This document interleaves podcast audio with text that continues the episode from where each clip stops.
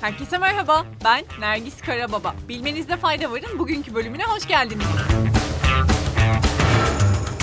Netflix'e ABD'de dava açıldı. Reality show'daki çalışma koşulları insanlık dışı. Netflix'in reality show'larından biri olan Love is Blind yani Aşkın Gözü Kördür programının ikinci sezonunun yarışmacılarından olan Jeremy Hartwell, platforma iş kanunlarını ihlal ettiği gerekçesiyle ABD'de dava açtı. Jeremy Hartwell, yapım şirketi Kinetic Content ve Netflix'i karşı açtığı davada yemek ve suya erişimleri engellenirken yapımcılar tarafından sürekli alkol tüketmeye teşvik edildiğini iddia etti. Davayı Los Angeles'ta açan Hartwell ayrıca insanlık dışı çalışma koşullarının oluşturulduğunu dile getirerek yarışmacılara asgari ücretten daha az bir maaş ödendiğini aktardı. Yapım şirketi ise Variety dergisinde bu iddiaların temelsiz olduğunu belirtti. Apple istihdamda frene basacak. Apple son dönemde istihdamda temkinli planlamalar yapan ABD'li teknoloji devleri arasına katılarak ülkedeki resesyon endişelerine yönelik gelişmeleri bir yenisine ekledi. Bloomberg'un haberine göre şirket gelecek yıl için olası ekonomik durgunlukla mücadele edebilmek adına işe alımları yavaşlatmayı ve harcamaları azaltmayı planlıyor. Şirkette daha önce yapılan planlamalarda bazı ekiplerin %5 ila 10 arası oranında artırılması öngörülüyordu. Apple bazı boş olan pozisyonlarda işe alımları da gözden geçirmeyi planlıyor.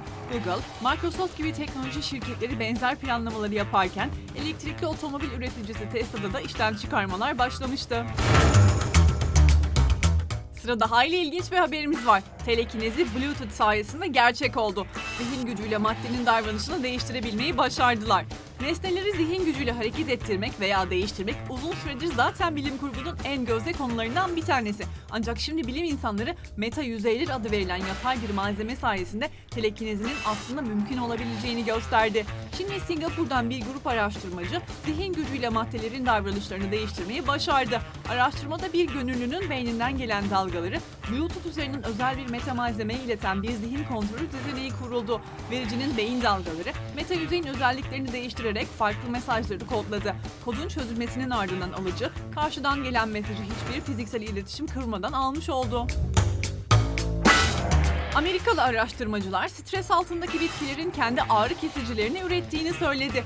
Çevredeki tehlikeler nedeniyle stres altına giren bitkilerin kendi aspirinlerini ürettiği kimyasal süreç ayrıntılarıyla ortaya çıkarılmış oldu. Aspirinin metabolizma sonucu ortaya çıkan ara ürün maddesi salisilik asitin bitkilerde var olduğu zaten bilinen bir gerçekti. Ancak yeni bir araştırmada bilim insanları bitkilerde bu maddenin üretiminin nasıl düzenlendiğine daha yakından baktı söz konusu özel savunma mekanizmasını gözler önüne serdi. Bilim insanlarına göre kloroplastlarda ortaya çıkan bu madde genellikle strese tepki olarak üretiliyor. Bulgular sürecin anahtarının reaktif oksijen türleri yani RAOS adlı kimyasallar olduğunu gösterdi. Araştırmanın başyazarı Jing Zhengbang konuyla ilgili olarak şunları söyledi. Ölümcül olmayan seviyelerde RAOS, salisilik asit gibi koruyucu hormonların üretimini sağlayan bir mesaj gibi. İki ucu keskin bir kılıç. Yani kısaca bilim insanları bitkilerin stres altında aspirin üretme sürecinin ayrıntılarını keşfetmiş oldu. İspanya gümrüğünde bir kişi 450 bin euro değerinde bir Picasso çizimiyle yakalandı. Zürih'ten gelen yolcunun valizinde gümrüğe tebliğ edilmemiş bir sanat eseri bulundu. 5 Temmuz'da gerçekleşen bu olayda olası kaçakçılıkla suçlanan kişi yanında taşıdığı çizimin bir kopya olduğunu ileri sürdü ve çizimi 1500 İsviçre frankı karşılığında satın aldığını gösteren el yazısı bir makbuz gösterdi. Ancak gümrük polisleri valizin daha da altında Zürih'teki bir sanat galerisinden alınan 450 bin euro değerinde bir başka makbuz buldu. Ve bu makbuzun üzerinde de bu eserin Pablo Picasso'ya ait olduğu yazıyordu. Sanat uzmanlarının gerçekleştirdiği ilk incelemelere göre bu çizim gerçekten de Picasso'ya ait ve fiyat da piyasaya uygun. Hemen minik bir bilgi vereyim. Picasso hayatının çok büyük bir kısmını Fransa'da geçirdi ve 1973 yılında hayatını kaybetti.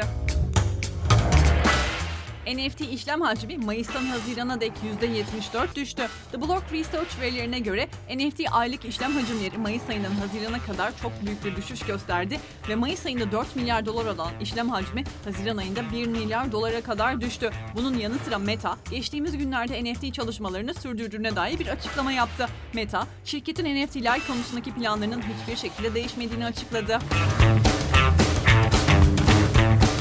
Son günlerde Avrupa'yı etkisi altına alan sıcak hava dalgası ve orman yangınları sürüyor. Sıcaklıklar Portekiz'de 47 dereceyi bulurken İspanya'da 40 dereceyi aştı. Bugün Londra'da ise hava sıcaklığının 42 dereceyi görmesi bekleniyor. The Guardian'ın haberine göre Petersburg İklim Diyaloğu Konferansı'na katılan Birleşmiş Milletler Genel Sekreteri Antonio Guterres, dünyanın yarısı sel, kuraklık, aşırı fırtınalar ve orman yangınlarının yaşanabileceği tehlike bölgelerinde bulunuyor.